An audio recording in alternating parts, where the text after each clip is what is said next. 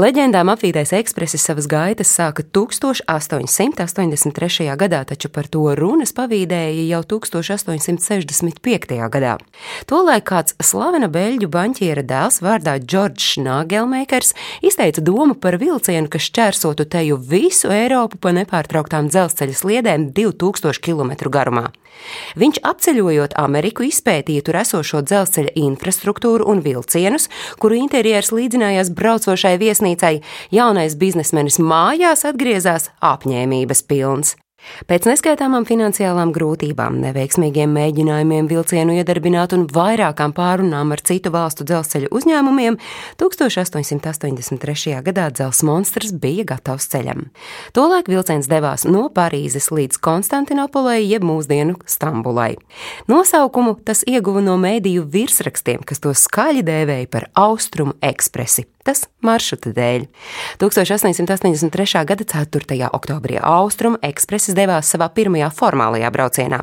Tajā veda žurnālistus un citas tobrīd ietekmīgas personas, kas pēc tam krāšņi aprakstīja vilciena luksusu, skaistumu un ērto iekārtojumu. Savukārt jau 10. oktobrī vilciens devās pirmajā nopietnajā braucienā no Parīzes stacijas līdz Stambulas stacijai. Vilciens nokļuva 80 stundās. Brauciens austruma ekspresī nekad nav bijis vienkārši pārvietošanās.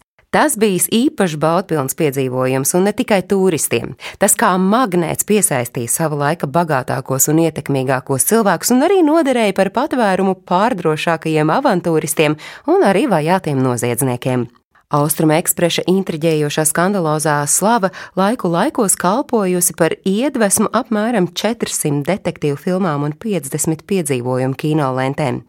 1929. gadā vilciena sastāvs ar vagonu numuru 3309 neredzētu sniega vētru dēļ desmit dienas iestrēga netālu no Stambulas. Atmiņas par šo skandalozo notikumu savulaik pamudināja detektīvu karalieni Agatu Kristīnu radīt romānu Slepkavība Austrumu ekspresī. Austrumu ekspresis bija īsts ar deko laikmeta stila un elegants iemiesojums. Visus ar grēznu samtu un izsmalcinātiem kogriezumiem izrotātos un Luija 14. stilā mēbelētos vagonus greznoja Renēlā lika stikla vitrāžas. Katram pasažierim pienācās savs personiskais pavadonis, un viņš brauciena laikā esot izpildījis vai visas pasažiera iegribas. Kupējās bija izlietne ar augstu un karstu ūdeni, kas bija tiem laikiem neredzēts komforts. Austruma ekspresī bija trīs restorānu vagoni, savukārt bāra vagons ir vieta, kur klasiskajā filmā Romas brīvdienas Gregorija Peka varonis piedāvā Odrijai Hebernai izdzert viņas pirmo margaritu.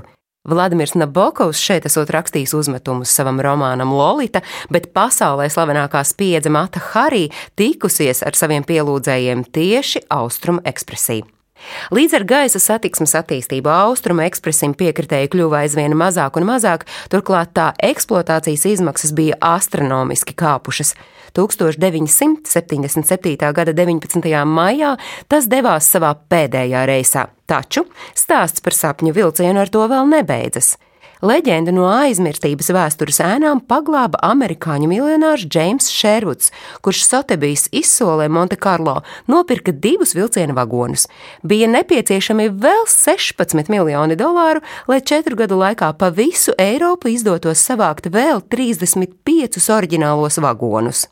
Leģendārais austrumu ekspresis joprojām no marta līdz novembrim ceļo pa dažādām Eiropas valstīm. Mūsdienās populārākais tā maršruts ir Londona, Venecija, un pasažieriem tajā jāievēro īpaši etiķetes noteikumi, kas, piemēram, nepieļauj parādīšanos sabiedrībā džinsos. Bet par austrumu ekspresu ziedu laikiem bez šaubām uzskatāmi 20. gadsimta 20. un 30. gadi, stāstīja Agnese Drunka.